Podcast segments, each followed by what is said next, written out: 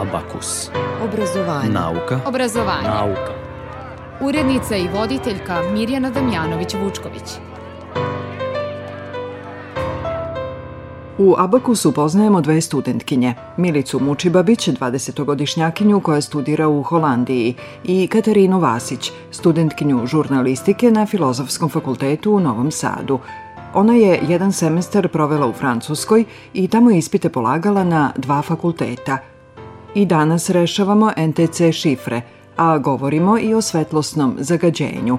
Naime, naučnici procenjuju da većina dece rođene početkom 21. veka nema predstavu kako izgleda prirodna tama. Dobar dan. Vreme je za nauku i obrazovanje.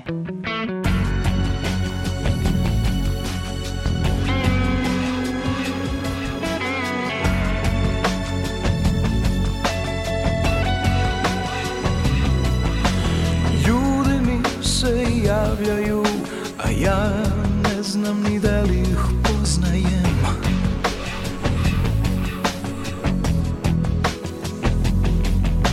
U masi drugih glasova jedino tvoj muk prepoznajem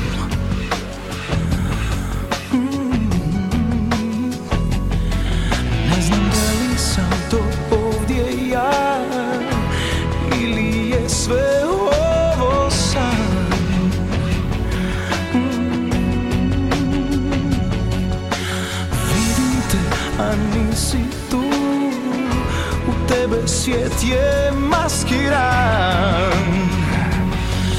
Kako da te nađem? Krajnje vrijeme je da neku drugu zavolim. Krajnje vrijeme je da, da mi svane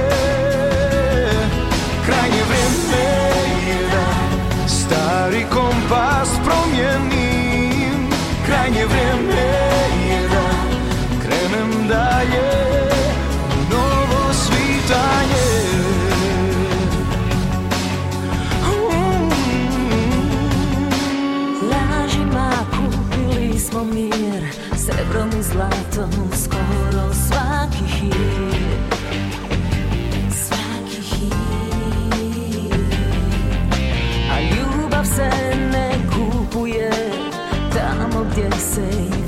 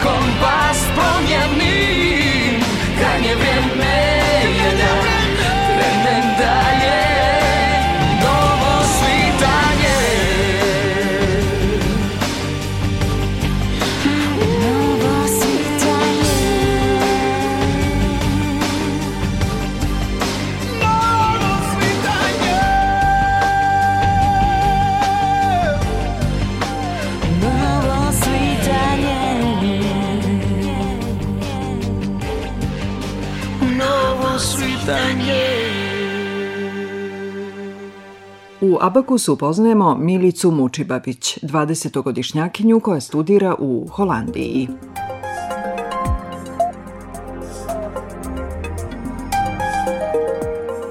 Upisala sam plesnu akademiju u Rotterdamu, a završila sam srednju baletsku školu, odsek za savremenu igru kao i gimnaziju Jovan Jovanović Zmaj. Posle završene gimnazije upisala se na Fakultet tehničkih nauka u Novom Sadu, polagala ispite i u roku dala uslov za drugu godinu. E, možda se nekad u budućnosti vratim i nastavim taj fakultet. Ali odlučila sam da a, ipak ove godine nastavim da se bavim plesom, pošto je to moja prva i najveća ljubav. Sada je studentkinja prve godine univerziteta koji je od njenog rodnog grada Novog Sada udaljen skoro 1700 kilometara. Postoji odsek za muziku, odsek za uh, ples, gde možemo da se opredelimo za predavača i za igrača. Ja sam se opredelila za igrača i takođe postoji odsek i za cirkus. Ja bih rekla da sam ja jedina iz Srbije koja je otišla na audiciju i meni se čini da postoji samo još jedna devojka koja je sada sada već žena, davno je završila tu akademiju da je ona jedina koja je, koja je uh, pohađala taj univerzitet. Nema nas mnogo sa ovih prostora koji su se usudili da odu tamo. Posle audicije, najteže je bilo čekanje rezultata. Taj univerzitet u Rotterdamu je jedan od najprestižnijih ovde u Evropi uh, u toj oblasti, tako da svi koji se bave plesom u suštini znaju za, za tu plesnu akademiju. Uh, audicija je bila u aprilu i trebalo je vremena da oni zvanično uh, jave ko je prošao, kasnije ko je dobio stipendije, pošto sam dobila stipendiju za školovanje za sve četiri godine. Za studente koji nisu iz Evropske unije školarina za jednu godinu je oko 6000 evra. Audicija je osim u Rotterdamu bila organizovana u još nekoliko evropskih gradova. Milica je bila na audiciji u Zagrebu. Audicija je bila iz dva dela. U prvom delu audicije smo imali tri tipa časa gde smo radili klasičan balet, savremeni balet i takozvane improvizacije, a u drugom a, delu audicije kada su odabrali nas šestora, a, smo a, igrali solo koji smo sami osmislili i imali intervju. Nakon čega su oni odlučili ko prolazi, prošli smo ja i još jedan dečko iz Slovenije. Na stotine prijavljenih, a primljeno ih je tek dvadesetak. Tako da je stvarno ovo velika čast biti primljena, kamoli dobiti stipendiju i videti da se stvarno tamo zalažu za tebe i sada vidim da se stvarno sve isplatilo i ovo je kao jedna kruna na čitav moj dugogodišnji rad. I za vreme studiranja, ali i posle akademije, Milicu čekaju audicije. Kada odemo na neke audicije za poslove dalje i kada oni vide da smo završili, završili takvu akademiju, bez sumnje se može reći da smo stvarno vrhunski igrači. Takođe, tamo na akademiji dolaze razni poznati koreografi, tako da imamo priliku da sarađujemo sa veoma uspešnim ljudima koji sa kojima kasnije možemo da sarađujemo i koji mogu u slučaju da im se dopadnemo da nas uzmu za njihove razne projekte za šta se mi zapravo i školujemo da, da radimo predstave i, i koreografije tih uspešnih ljudi. Često je, kaže, pitaju da li nosi klasične takozvane špic baletanke. Ja sam u srednjoj baletskoj školi uh, bila na oceku za savremenu igru uh, i to je zapravo ono što najviše volim. Naravno da smo mi radili klasičan balet i to je osnova svega, ali ja sam se opredelila za savremeni modern balet mi imamo mnogo veću slobodu u svakom smislu nego um, balerine klasičnog baleta mi najčešće igramo u čarapama ili bose ili u nekim mekanim baletankama. Ja lično preferiram da igram bosa. Milica je leto 2018. dakle godinu dana pre odlaska u Rotterdam, provela u Americi. Tada je dobila stipendiju za letnju školu plesa u Salt Lake City-u. To je za mene stvarno jedno ogromno i neprocenjivo iskustvo.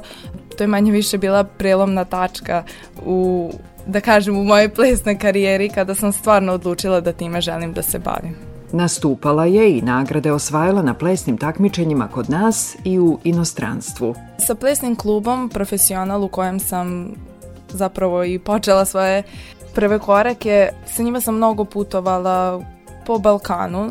E, Sa baletskom školom sam imala priliku da odem na um, jedno prestižno takmičenje u Berlinu kao predstavnik uh, iz Srbije. Uh, takođe, za vreme srednje baletske škole dva puta se odigrava republičko takmičenje i ja sam uh, prve, prvi put, odnosno u drugoj godini, uh, osvojila nagradu laureat, to je tako reći kao iznad prvog mesta. A, u četvrtoj godini sam osvojila prvu nagradu, tako da stvarno sam veoma ponosna na to, kao i na sve ostale nagrade. Često sam osvajala m, specijalne nagrade za ženski talenat ili za najviše osvojenih bodova na, na takmičenju, tako da svaka, svaka je stvarno meni posebno draga. Milica Mučibabić je izabrala ples ili je ples izabrao nju.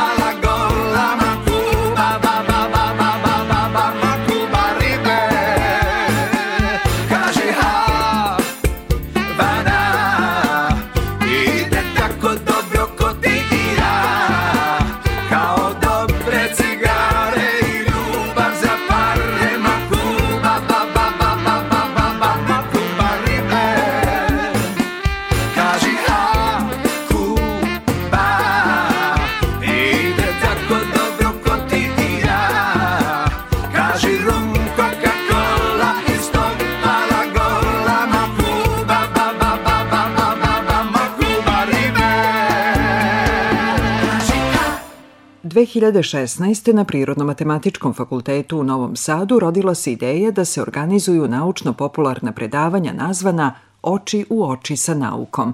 Od tada održano je na desetine predavanja o različitim temama. Novi ciklus tih predavanja počeo je u utorak 4. februara i to predavanjem o svetlosnom zagađenju, nazvanim Noć je kratko trajala, a nama je trebala najduža na svetu – Kako to da sjelica koja predstavlja simbol inovacije može da postane loša za životnu sredinu?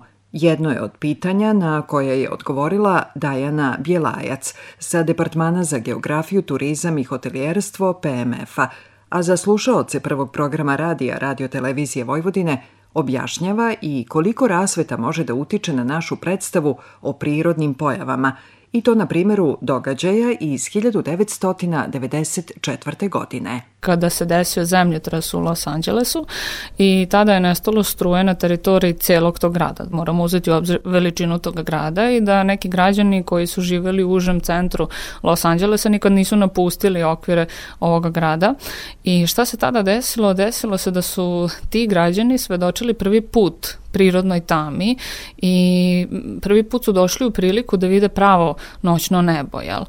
Tada su zvali hitnu pomoć, policiju i druge državne ustanove da bi prijavili neki sivkasti, magličasti oblak na nebo, a znamo koliko je tamo popularna ta tema o neidentifikovanim letećim objektima, da ga prijave, jer im prosto nije bilo prijatno to što vide, a šta se desilo? Oni su tada zapravo prvi put svedočili pojavi mlečnog puta, odnosno nešto što je toliko prirodno i gde se i mi sami pozicionirani. Naučnici procenjuju da većina dece rođene početkom 20 21. veka nema predstavu kako izgleda prirodna tama. Moramo uzeti u obzir da e, deca koja su rođena početkom 2000. godina i pretežno svoje vreme provode, ovaj, sada već ljudi provode u urbanim sredinama, e, moramo se zapitati da li, da li su oni zaista imali pristup pravom, čistom, prirodnom noćnom nebu i da li oni uopšte imaju to sećanje kako su imali naše babe i dede nekada i naši preci, kako izgleda zvezdano nebo. E, samim tim javlja se problem koje još nazivaju izumiranje iskustva, dakle da današnje generacije nisu svesne šta propuštaju zato što je, e, su osvetljene noćni, osvetljeni noćni sati nešto što je za njih prirodno. Dakle, jedan novi sistem po kojem mi vrednujemo dakle, našu životnu sredinu. I onda je problem kako mi da kažemo e, i da ukažemo na problem svetlosnog zagađenja kada je za nas sasvim prirodno da se krećemo noćnim satima sa potpuno onako intenzivnom, čak možda i agresivnom rasvetom i kao dnevna bića mi se to osjećamo onako prirodno, osjećamo se ugodno, a šta to čini noćnim životinjama? Veštačko osvetljenje je pogrešno usmereno i laički rečeno neadekvatne boje može da prouzrokuje značajne probleme za naše zdravlje i uopšte životnu sredinu, dodaje Dajana Bjelajac i objašnjava šta je svetlosno zagađenje ne može svetlost da se uprlja, niti svetlost nešto može da isprlja, ali uh,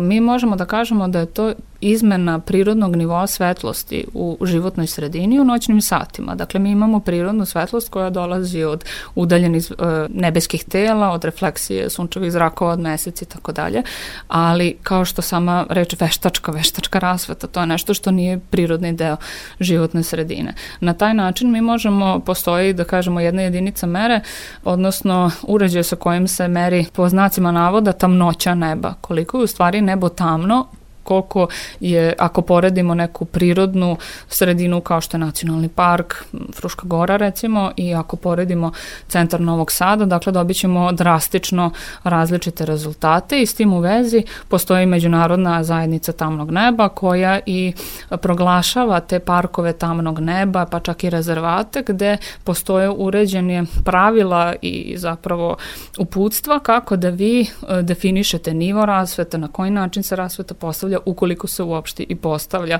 kako bi građani mogli u svakom trenutku da pristupe ovakvim rezervatima tamnog neba i da mogu da svedoče upravo pojavi mlečnog puta i nekim drugim astronomskim posmatranjima. U Novom Sadu postoji udruženje nazvano Carpe Noctem. S obzirom da je ovo poprilično velika nepoznanica u Srbiji i uopšte u regionu, kolega i ja i jedna studentkinja naša smo organizovali, odnosno osnovali neprofitno udruženje Carpe Noctem, e, suprotno od Carpe Diem, dakle e, iskoristimo noć u ovom slučaju i e, na taj način kroz aktivnosti ovog udruženja želimo da približimo tu prirodnu noćnu tamu ljudima tako što ćemo da ih izvedemo na Frušku goru, da prošetamo deseta kilometara u potpunoj tami, u, kroz šumu, da možda i svedočimo nekoj astronomskoj pojavi poput meteorske kiše, kako nam se potrefi vreme i, i kalendarski, da li nam odgovara i na taj način da prosto ljudima pokažemo da tama nije toliko strašna i da možda će čak biti u većoj opasnosti usred centra Novog Sada kada prelaze semafor nego što će to biti u jednoj šumskoj stazi na Fruškoj gori. Do sada smo organizovali dve ovakve šetnje i na prvu nam se pojavilo 240 ljudi, na drugoj je bilo 300 ljudi i sve je prošlo u najboljem mogućem redu, tako da eto, pozivamo sve zainteresovane da nam se priključe na sledećoj. Informacije o našim aktivnostima možete da dobijete na našem sajtu www.carpenoctem.rs ili na Facebook stranici takođe Carpe Noctem iskoristi noć, Instagram profilu i tako dalje. Za Radio Novi Sad je govorila Dajana Bjelajac sa Departmana za geografiju, turizam i hotelijerstvo Prirodno-matematičkog fakulteta u Novom Sadu. Njenim predavanjem o svetlosnom zagađenju počeo je novi ciklus naučno-popularnih predavanja. Iznenada noć se spustila preko krova pa u dvorište Prve zvezde čim se pojave u tvom oku nađu skrovište Opet bi krenuo tamo kuda idem noćima Da se sklonim i da slučajno potonem u tvojim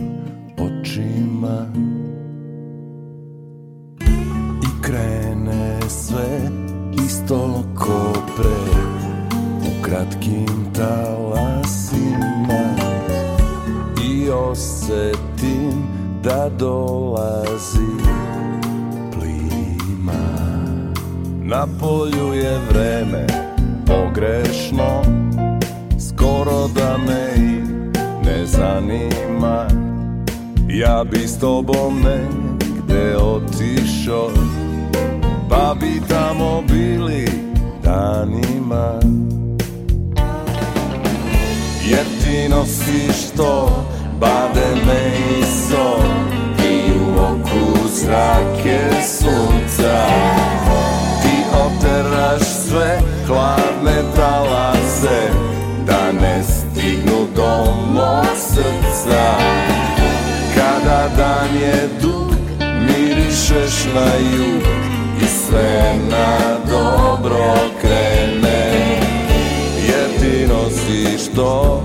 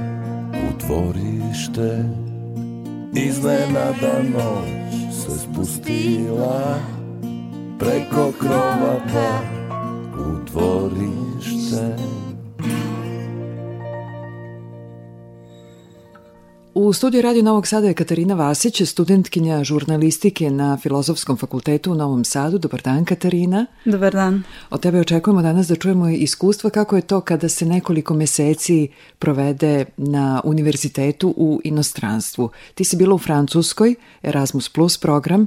E, jeste, ja sam provela šest meseci u Francuskoj, u Lilu, e, preko Erasmus Plus programa, dobila sam stipendiju i e, moja iskustva su stvarno pozitivna. Mogla bih ponovo da se vratim. Erasmus je uvek posebno iskustvo. S obzirom na to da si ovde studentkinja žurnalistike, da li si i tamo bila na fakultetu žurnalistike ili nešto drugo? U Francuskoj sam bila na dva, univer... na dva fakulteta. E, Prvi je bio političke nauke, a drugi je bio književnost, zato što e, studije žurnalistike su u Francuskoj samo na francuskom jeziku, a ja ga ne govorim. Ja sam moje predavanja slušala na engleskom. I ispite polagala? I ispite sam polagala na engleskom. I u suštini, kada se spoji političke nauke i književnost, gde sam imala kurseve pisanja, to dođe neka vrsta žurnalistike. Ti ispiti su ti sada priznati na, na Filozofskom fakultetu u Novom Sadu. Da, ja sam u Francuskoj položila šest ispita i svi su mi priznati. Od tih šest, jedan će mi ići kao dodatak diplomi, francuski jezik, a pet je ovaj, baš poklapa se sa mojim predmetima sa žurnalistike.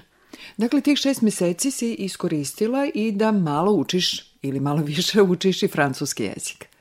Pa zapravo da, bila sam primorana da učim francuski zato što francuzi su poznati po tome da oni, iako znaju da pričaju uh, engleski, oni ne žele, čuvaju svoju kulturu i jezik, što ja na neki način se i divim njima zato što smatram da je to dobra stvar, jer drugačije ja ne bi naučila francuski.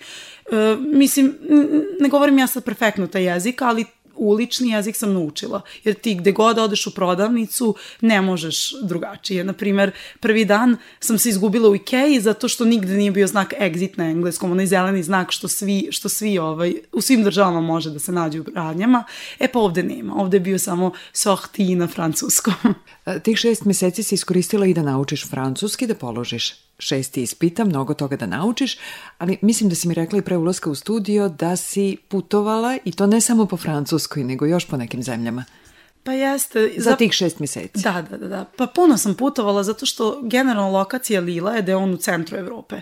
Sve je blizu. Meni je Brisel bio udaljen sat i po vremena.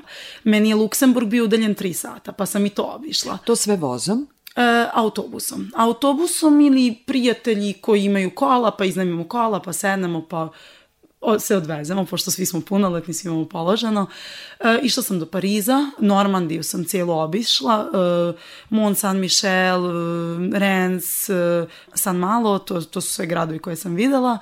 Bila sam u Švajcarskoj, zato što me kolega sa univerziteta pozvao na raspustu da, mu bud, da dođem kod njega u goste, a Ženeva, Pariz ima maltene kao taksi let koji je jako jeftin i, i brzo se stigne, sam, za samo sat vremena. E, bila sam, i na kraju moje razmene sam otišla i u Maroko. Tamo sam išla na turu pet dana, ali je zanimljivo bilo da sam išla sa španskom turom, zato što moja najbolja drugarica iz Francuske je bila Meksikanka. I onda smo se mi prijavili za tu neku špansku turu išli smo u Maroko, iako ja ne govorim španski, ali je bilo urnebesno. I svi su bili Argentinci, na toj turi Španci, Mek Meksikanci i dva Bugara i ja. Mi smo izgleda zalutali Balkanci tamo i stvarno je bilo e, jako lepo. Neprocenjivo iskustvo, rekla bih. Da li bi ponovila? Pa svakako da bi ponovila, ali mislim da kogod ode na razmenu ne treba da ima nikakvo očekivanja, zato što svaka razmena je drugačija, svaka država, svaki grad donosi nešto drugačije i neko novo iskustvo. Tako da mislim da ne treba da ljudi kada idu na razmenu imaju zacrtan cilj, ja idem zbog toga i toga, nego jednostavno treba da se prilagode, da vide šta je životni stil, šta je ono što može da ti ponudi taj grad i da se to i onda da to uzmeš i da iskoristiš. Pošto na primer Lil nije imao noćni život, ja nisam imala lude žurke tamo, kao što na primer znam iskustva od mojih prijatelja koji su bili u Poljskoj dok, ili u Španiji, koje su poznate po žurkama i po izlascima, ali zato je li lokacija grada gde sam ja mogla lako da obiđem tri, četiri države. U Nemačkoj, na primjer, nisam bila, ali je isto Nemačka granica sa Nemačkom udaljena dva, tri sata od Lila bila kolima. Upoznala si studente iz koliko zemalja? Iz jako puno zemalja. Iz jako puno zemalja. Ja bih rekla da u Lilu se nekako stvorilo neko internacionalno okruženje. Tamo nije bilo Evropljana. Malo Italijana, malo Španaca. Njima su najveći broj studenta iz Azije, to su Kinezi, Japanci, Koreanci. Uh, onda zatim Meksikanci, ovde iz Amerike, iz Sjedinjenih američkih država i jako puno studenta iz Brazila. To mi je bilo ono iznenađenje. I zapravo tek kada odeš tamo, iako si ti sve te ljude video na filmovima i kako oni izgledaju, sve to nije isto dok ti nemaš... Gde bi ja imala priliku u Srbiji da upoznam jednu Koreanku ili jednog Brazilca? I dalje ste u kontaktu? Jesmo, u kontaktu smo, baš sam se juče čula sa tim mojim drugom iz Brazila, on je još uvek u Francuskoj, pošto njihove razmene su glavna godinu dana, jer je daleko, pa im se ne isplati da dolaze kraće, svakako je lepo da smo ostali u kontaktu. Za oni koji ne znaju kako funkcioniše taj e, program Erasmus+, da kažemo da si ti za tih šest meseci boravka u Francuskoj dobijala mesečnu stipendiju. Da li je to bilo dovoljno da se pokriju troškovi boravka u, u Francuskoj? Jeste, ja sam dobijala mesečno 850 evra. E sad Erasmus plus stipendije nisu sve 850 evra, zavisi od države u koju ideš. Kreću se od 700 do 900. I, ako, i zavisi, mislim, ako hoćeš da ideš u Rumuniju, nećeš dobiti 850, dobit ćeš 700, što je za Rumuniju, na primjer, i više nego dovoljno. Ja sam za Francusku konkretno dobijala 850 mesečno i iskreno sa studentskim načinom života i popustima koje ta država daje, meni je bilo dovoljno da se pokrijem, ali sva moja putovanja i sve te neke dodatne e, stvari koje sam ja radila su ipak moji roditelji malo pomagali i uskakali. E sad, dobra strana konkretno francuske države je bila ta što je nama i država dala stipendiju iako smo inostrani studenti, što je opet dodatno pomoglo da se pokriju te financije i da to ne osete roditelji. Isto što ide plus uz, taj, uz, uz tu stipendiju jesu refundacije troškova puta, koja isto ide u iznosu, ja sam konkretno dobila u iznosu od 300 evra, što meni bilo dovoljno da kupim dobru avionsku kartu, da, da idem direktno na Zaventem, briselski aerodrom, pošto mi je on bio bliže nego da idem na Pariz, i da, se po, i da ponesem veliki kofer i da se spakujem i stvarno nisam imala problema s tim. I sad kada si se vratila, sada si studentkinja četvrte godine žurnalistike na Filozofskom fakultetu, možeš da porediš kako se studira u Francuskoj i kako se studira kod nas?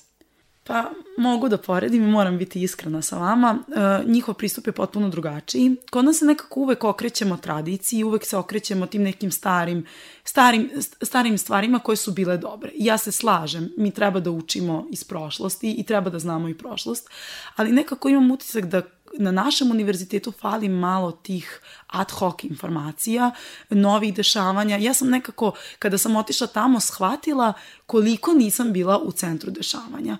Jer sam na primjer, imala priliku da imam profesor, profesora iz Manchestera koji mi je predavao predmet o Brexitu. Onda zatim sam imala priliku da za vikend odem na proteste žutih prsluka i da vidim i to uživo, iako ja smo mi obavešteni ovde o tome, ali mene kao studentkinje žurnalistike takve stvari zanimaju i mnogo je drugačiji osjećaj kada ti odeš i uživo vidiš neke stvari, čuješ od živih ljudi, kao što je ovaj profesor, a drugačije je kada ti ovde čitaš u nekim novinama kao neku informaciju, jesi ti Evropa, ali sve to daleko od tebe. I ti briselski sporazum i sve to, ja sam otišla u Brisel i videla sam parlament, Evropski parlament. Opet neko drugačije iskustvo. Šta bi ti rekla da je u stvari najvažnije kada je Erasmus plus u pitanju? Da li je to što si ti upoznala neke druge zemlje ili to što ste se vi studenti međusobno povezali? Ja bih rekla da je to definitivno ta komunikacija između različitih studenta, različitih kultura, različitih navika. Jer ti ako živiš u nekoj stranoj zemlji, ti se ne družiš toliko sa lokalcima, jer oni svi imaju svoje živote, obaveze, ti ih upoznaješ, ti ćeš upoznati kako je živeti u toj zemlji i to je u redu. Ali većinu svog vremena ćeš provesti u internacionalnom okruženju, koje ti je možda jednom životna prilika, jer mladi ljudi tvojih godina, svi ste nekako okrenuti jedni ka drugima, da i vaše samo da delite kulturu, da studirate zajedno. Na kraju dana vi svi imate zajedničke probleme, studentske, kako ćete položiti koji ispit, ko vam je simpatija, ali opet postojete neke sitne razlike koje se uče na Erasmusu i to je iskustvo je stvarno neprocenjivo. Šta ti je nedostajalo dok si bila u Francuskoj?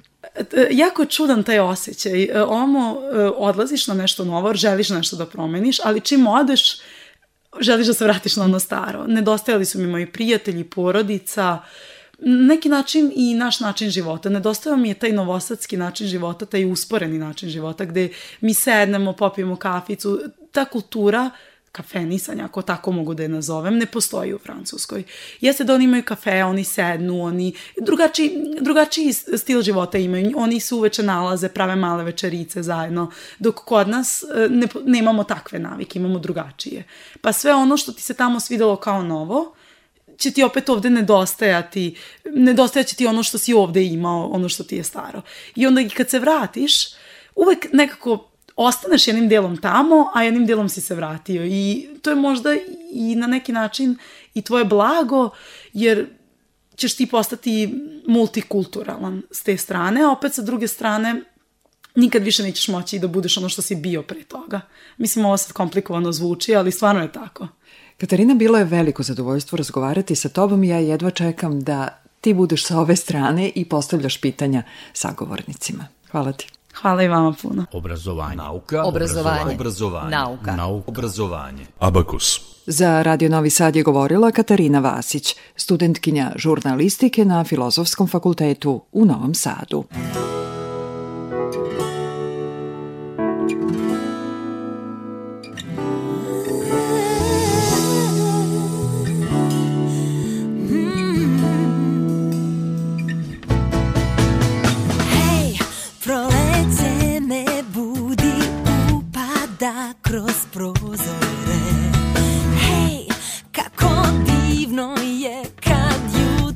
Nosi poljubce.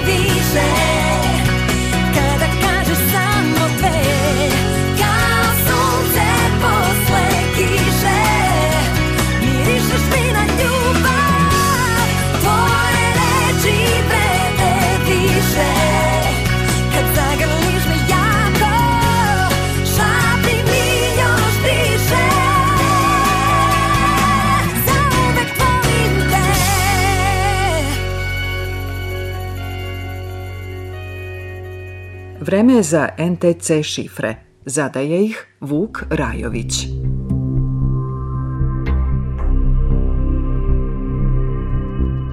Za sve one koji prvi put e, rešavaju NTC šifre, objasnit ću još jednom pravila e, ove igre. E, Dakle, dajemo tri reči i trocifren broj. Svaki broj se odnosi na jednu reč, ako su reči, na primer, prozor, uvala, terasa, a šifra 111, uzimamo po prvo slovo od svake reči i rešenje nam je put. E, ako ovo napišemo na papiru, vrlo je lako za rešavanje, a smisao ovih šifri je da pokrenemo mislone procese e, i, vrlo interesantno vidjeti da i deca već sa 7-8 godina mogu uspešno da rešavaju šifre prvog nivoa bez pisanja. Dakle, potrebno je vežbati, a koja su pravila a, kojih se treba pridržavati prilikom igranja a, šifri. Prvo pravilo i najbitnije je da onom kome se čita šifra ne zapisuje ništa, dakle sve pamti u glavi i pokušava da iskombinuje brojeve sa slovima. Pravilo broj 2, ako igra više ljudi, to bude vrlo interesantno takmičenje kada se napravi. Može, na primjer, evo ja sastavljam šifru, a vas troje rešava i onda to ko se prvi javi da predlog rešenja i to beležimo bodove, to je super.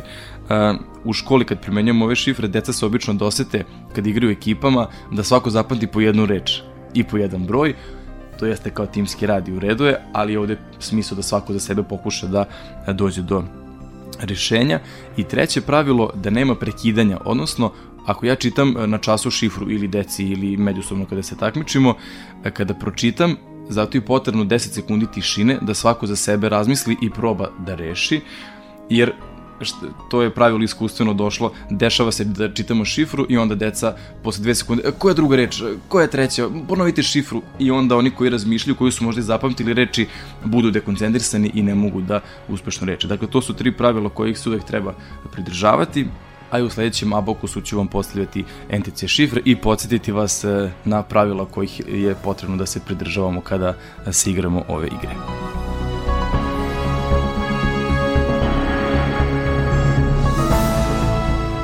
Danas sam pripremio još jedan lagani nivo NTC šifri, a u sledećoj emisiji će već biti malo teže i izazovnije. E, Danas sam e, spremio tri biljke i rešenje nam je biljka. Čitamo biljke, krompir, bosiljak, kruška. Šifra 4,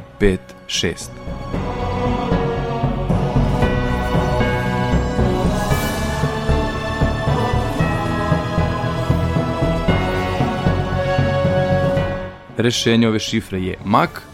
Ukoliko ste ispod 10 sekundi rešili svaka čast, ukoliko niste, slobodno možete vežbati. Ova šifra je za nijansu teža od prethodnih kada smo isto čitali biljke iz razloga što je šifra sa većim brojevima. U prvoj e, verziji čitanja biljke bila je šifra 1, 2, 3, što je dosta lakše nego kad je šifra 4, 5, 6, što je izazovnije da se prebrojavaju reči i slova u glavi, tako da smo danas e, pročitali malo težu NTC šifru, a u sledećoj emisiji e, dolazi nešto potpuno novo.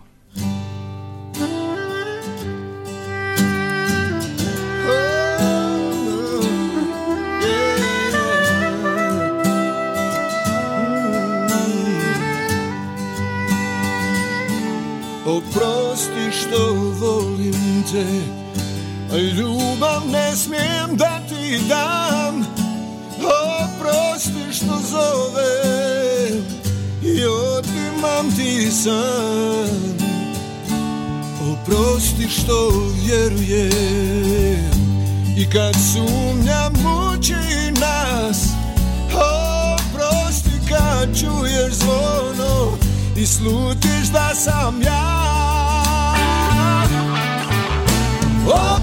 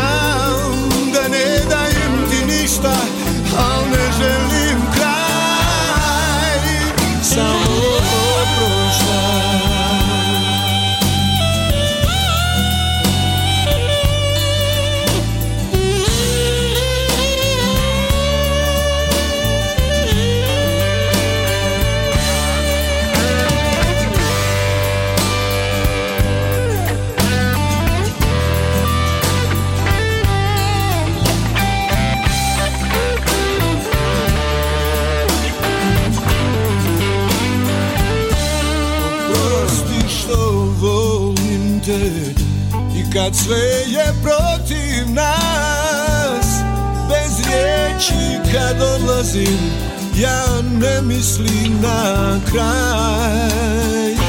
O, prosti što vjerujem i kad sumnja muči nas. Oprosti kad čuješ zvono i slutiš da sam ja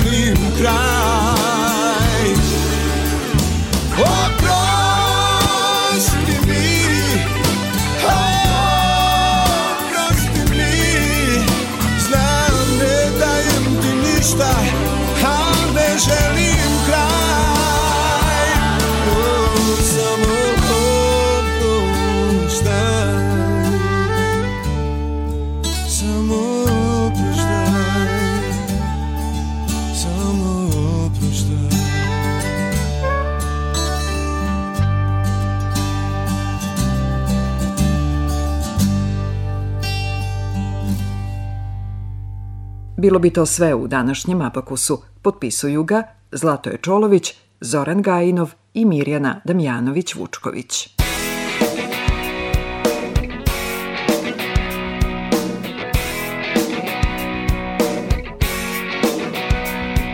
Naređujem sebi da nikada više o tebi ne razmišljam Znam da neću moći sebe da poslušam Neko pije da se seti, a ja bih da zaboravim Lako je da se svetim, a teško je da oprostim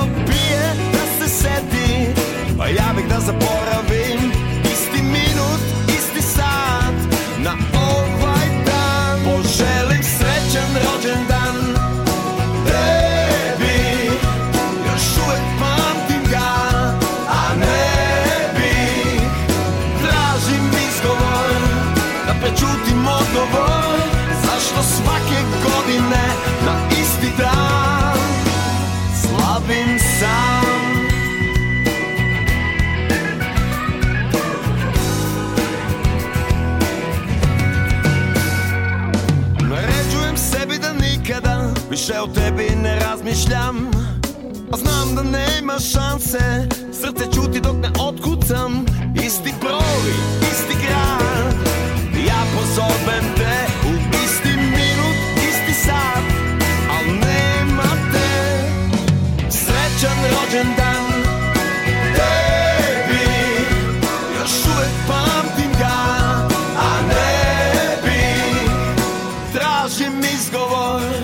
da prečutim odgovor.